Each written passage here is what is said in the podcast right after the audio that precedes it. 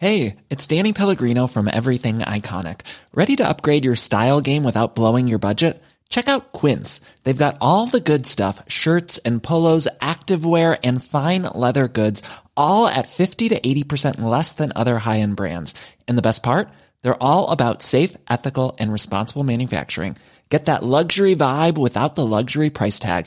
Hit up quince.com slash upgrade for free shipping and 365 day returns on your next order. That's quince.com slash upgrade.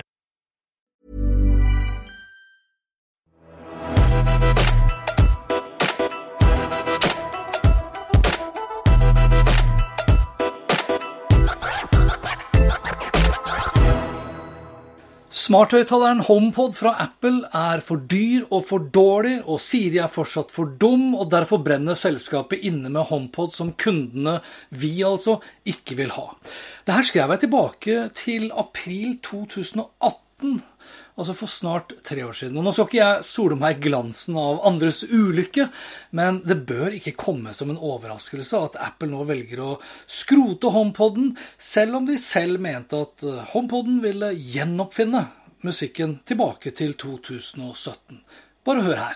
Just like we did with portable music, we want to reinvent home music. Egentlig så er jeg mest overrasket over at Apple i det hele tatt lanserte HomePod, som først ble utsatt fra 2017 til 2018. Og da den ble lansert, kosta den fryktelig mye mer enn tilsvarende konkurrerende produkter fra f.eks. Amazon, Google og Sonos. Selv så mente jo selvsagt Apple at HomePoden var mye bedre enn de tre aktørene. Bare hør selv hvordan de omtaler HomePoden under lanseringen. Some have worked hard to make wireless music sound good around our homes. But these aren't smart speakers. Others have worked to make smart speakers that you can talk to. They don't sound so great when you listen to music. We want to combine all this in a product that can really deliver a breakthrough experience. And our team has been hard at work for many years now on a breakthrough home speaker. Altså Greit nok at det var snakk om Apple, som alltid koster mer, og greit nok at lyden var eksepsjonell god, for det var den virkelig. Derimot var den totale brukeropplevelsen for dårlig. Først og fremst fordi Siri suger, noe som da skyldes Apples personvernfokus, som rett og slett blir et lite hinder for den kunstige intelligensen og tjenesten som sådan.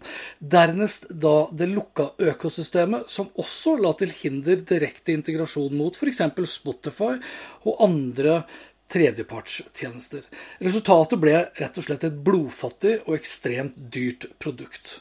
For HomePoden kosta 350 dollar, og det er ganske mye penger for en dum smarthøyttaler, selv om de for så vidt da satt prisen ned med 50 dollar etter hvert. Derfor gikk også HomePoden veldig raskt fra å være utsolgt til å ikke bli solgt i det hele tatt. HomePoden ble alt annet enn en ny og banebrytende smarthøyttaler, som de selv omtalte det som. Og det kan nok være en av årsakene til at HomePoden aldri dukket opp for oss her i Norge også. Fasiten er faktisk at Apple aldri har klart å karre til seg noen markedsandel av betydning. For bare uker etter lanseringen så var markedsandelen på under 5% og der har den ligget og vaka siden. Og nå blir altså da HomePoden skrota. HomePod Mini vil derimot leve videre. 99 dollar er en helt annen price tag, selv om Siri fortsatt er like dum, den kan ikke strømme Spotify, og den er fortsatt ikke tilgjengelig for oss her i Norge. Det som derimot gir meg tro på at HomePod Mini kan bli en aldri så liten suksess, foruten da prisen og størrelsen, også tilsvarende Google Nest Mini og Amazon Echo Dot, som for øvrig koster halvparten, er at nå kan de iallfall koble flere HomePod Minier sammen. Og nå som Spotify er tilgjengelig på Apple Watch, så kan det jo tenkes at Spotify også kommer til HomePod Mini. Men er det så viktig nå som Apple Music f.eks. er tilgjengelig på både Google og Amazon sine smarthøyttalere, som nå er mye smartere, billigere og kommer i langt flere utgaver, avhengig av hvor mye lyd du vil ha. Det er egentlig bare én grunn til å kjøpe HomePod Mini, vil jeg påstå, og det er hvis du kun ønsker å ha Apple-produkter for da den sømløse opplevelsen som det gjerne gir deg. Da må du i tillegg betale ekstra dyrt for det, for den kommer til å koste deg ekstra siden Apple ikke har lansert den i Norge ennå. På finn.no så er det noen tredjepartsaktører, private, som selger den for ca. 1500 kroner.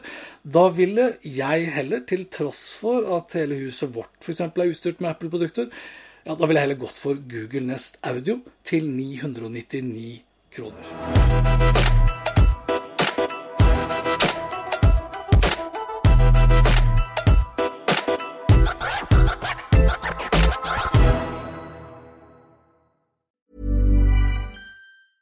The biggest names in tennis are coming to Paris for the most anticipated Roland Garros in years. Tennis Channel Plus is your place to watch. Stream every court from your phone or smart TV live in HD. Experience three weeks of unparalleled tournament access as the world's top players in tennis face off against each other. Will the veteran champions continue their dominance, or will a fresh face emerge to challenge their legacy on the clay courts? Daily live coverage of this epic showdown begins Monday, May 20th. Don't miss a matchup. Stream it now with Tennis Channel Plus to be there when it happens.